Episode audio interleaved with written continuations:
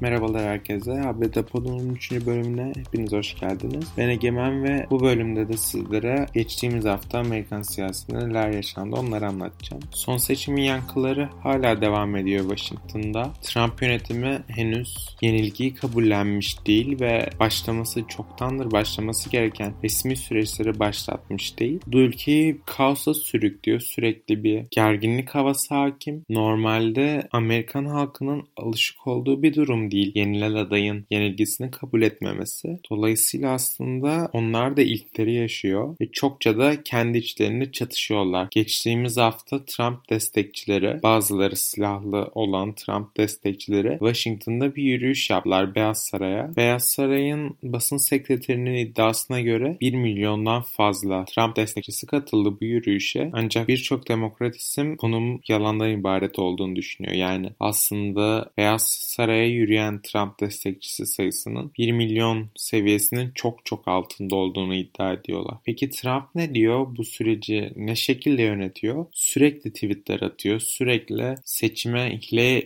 karıştığına yönelik ve seçimin asıl galibinin kendisinin olduğuna yönelik tweetler atıyor Donald Trump. Ve Twitter'da bu tweetlerle mücadele ediyor. Neredeyse Donald Trump tarafından atılan her tweetin altında Twitter bir uyarı koyuyor. Bu tweet gerçeği yansıtmamaktadır ya da da bu tweet yanlış yönlendiricidir tarzı açıklamalarda bulunuyor Twitter. Donald Trump'ın attığı tweetlerin altına. Aslında bu daha da kızdırıyor Cumhuriyetçileri ve Donald Trump ve Donald Trump destekçilerini. Yine Trump geçtiğimiz günlerde seçimi kazandım diye büyük harflerle bir tweet attı ve Twitter altına yetkililer bu seçimin başka bir aday lehine sonuçlandığını duyurdu tarzında bir açıklama ekledi. Bu da hani daha önce karşılaşılmamış bir durum. Birkaç gün sonra sonrasında Donald Trump bu sefer yine Twitter hesabında Joe Biden hileyle seçimi kazandı tarzında bir ifade kullandı. Medya ve demokratlar bunu Joe Biden'ın seçimi kazandığını artık Trump da kabullendi şeklinde yorumladı. Gerçekten çok ilginç bir durum aslında. Michelle Obama'nın bu konuda bir açıklaması var. Michelle Instagram'dan attığı posta yaptığı açıklamada sürecin Amerika'ya zarar verdiğini ve 2016'da Donald Trump kazandığında kendisi ve kocası babası Barack ne tarz bir davranış sergilemişti bunları belirtti. Trump çiftinin ve Trump ekibinin Beyaz Saray'da nasıl karşılandığını ve gerekli prosedürlerin her şeye rağmen nasıl yürütüldüğünü anlattı Michelle Instagram'dan. Trump'ı affetmeye hazır değildim. Bize karşı yönlendirdiği ırkçı ifadeleri hala unutmadım. Ancak ülkemin geleceği için öfkemi bir kenara koydum. İfadeleri aslında gerçekten çok fazla şey ifade ediyor bence Michelle Obama'nın. Sırada Joe Biden da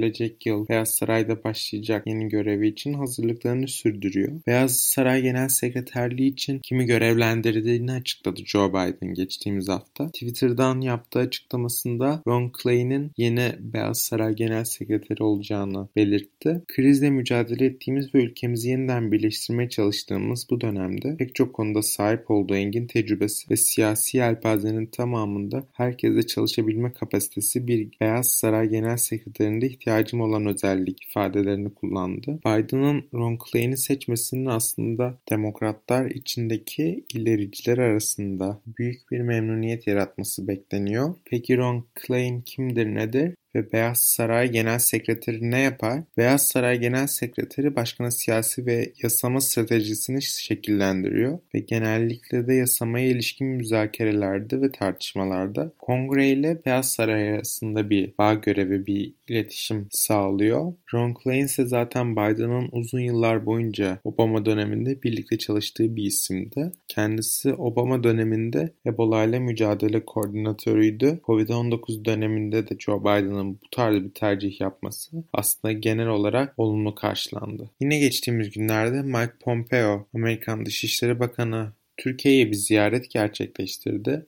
Balat'taki Fenerum Patrikhanesi'ne. Ancak ilgi çeken bir durum var ki Pompeo devlet yetkilileriyle Türk yetkililerle hiçbir şekilde bir görüşme gerçekleştirmedi. Geldi Patrikhanede gerekli görüşmesini yaptı planladığı gibi. Daha sonrasında sıkışık programını bahane ederek Ankara'ya uğramadan ya da herhangi bir devlet yetkilisiyle bir görüşme yapmadan Ankara'dan ayrıldı. Zaten bu Pompeo'nun 2018'de göreve gelişinden beri Türkiye'ye ikinci gelişiydi. Daha öncesinde Mike Pence'le birlikte bir kez gelmişti. Ama Amerikan Dışişleri Bakanı'nın Türkiye'ye gelmesi ve bir devlet yetkilisiyle görüşmemesi aslında ilginç bir durum ve zaten basında da hayrette karşılandı. Bazı uzmanlar bunu Pompeo'nun sizi umursamıyorum mesajı vermeye çalıştığını ifade ediyor. Bazı uzmanlarsa zaten Pompeo'nun bu hareketinin ciddiye alınmaması gerektiğini, Türkiye'nin artık yüzünü Biden yönetimine çevirmesi gerektiğini ve Trump yönetimine çok da umursamaması gerektiğini belirtiyorlar. Bu haftalık bültenimiz bu kadardı. Beni dinlediğiniz için teşekkürler. Haftaya yeni bölümde görüşmek üzere.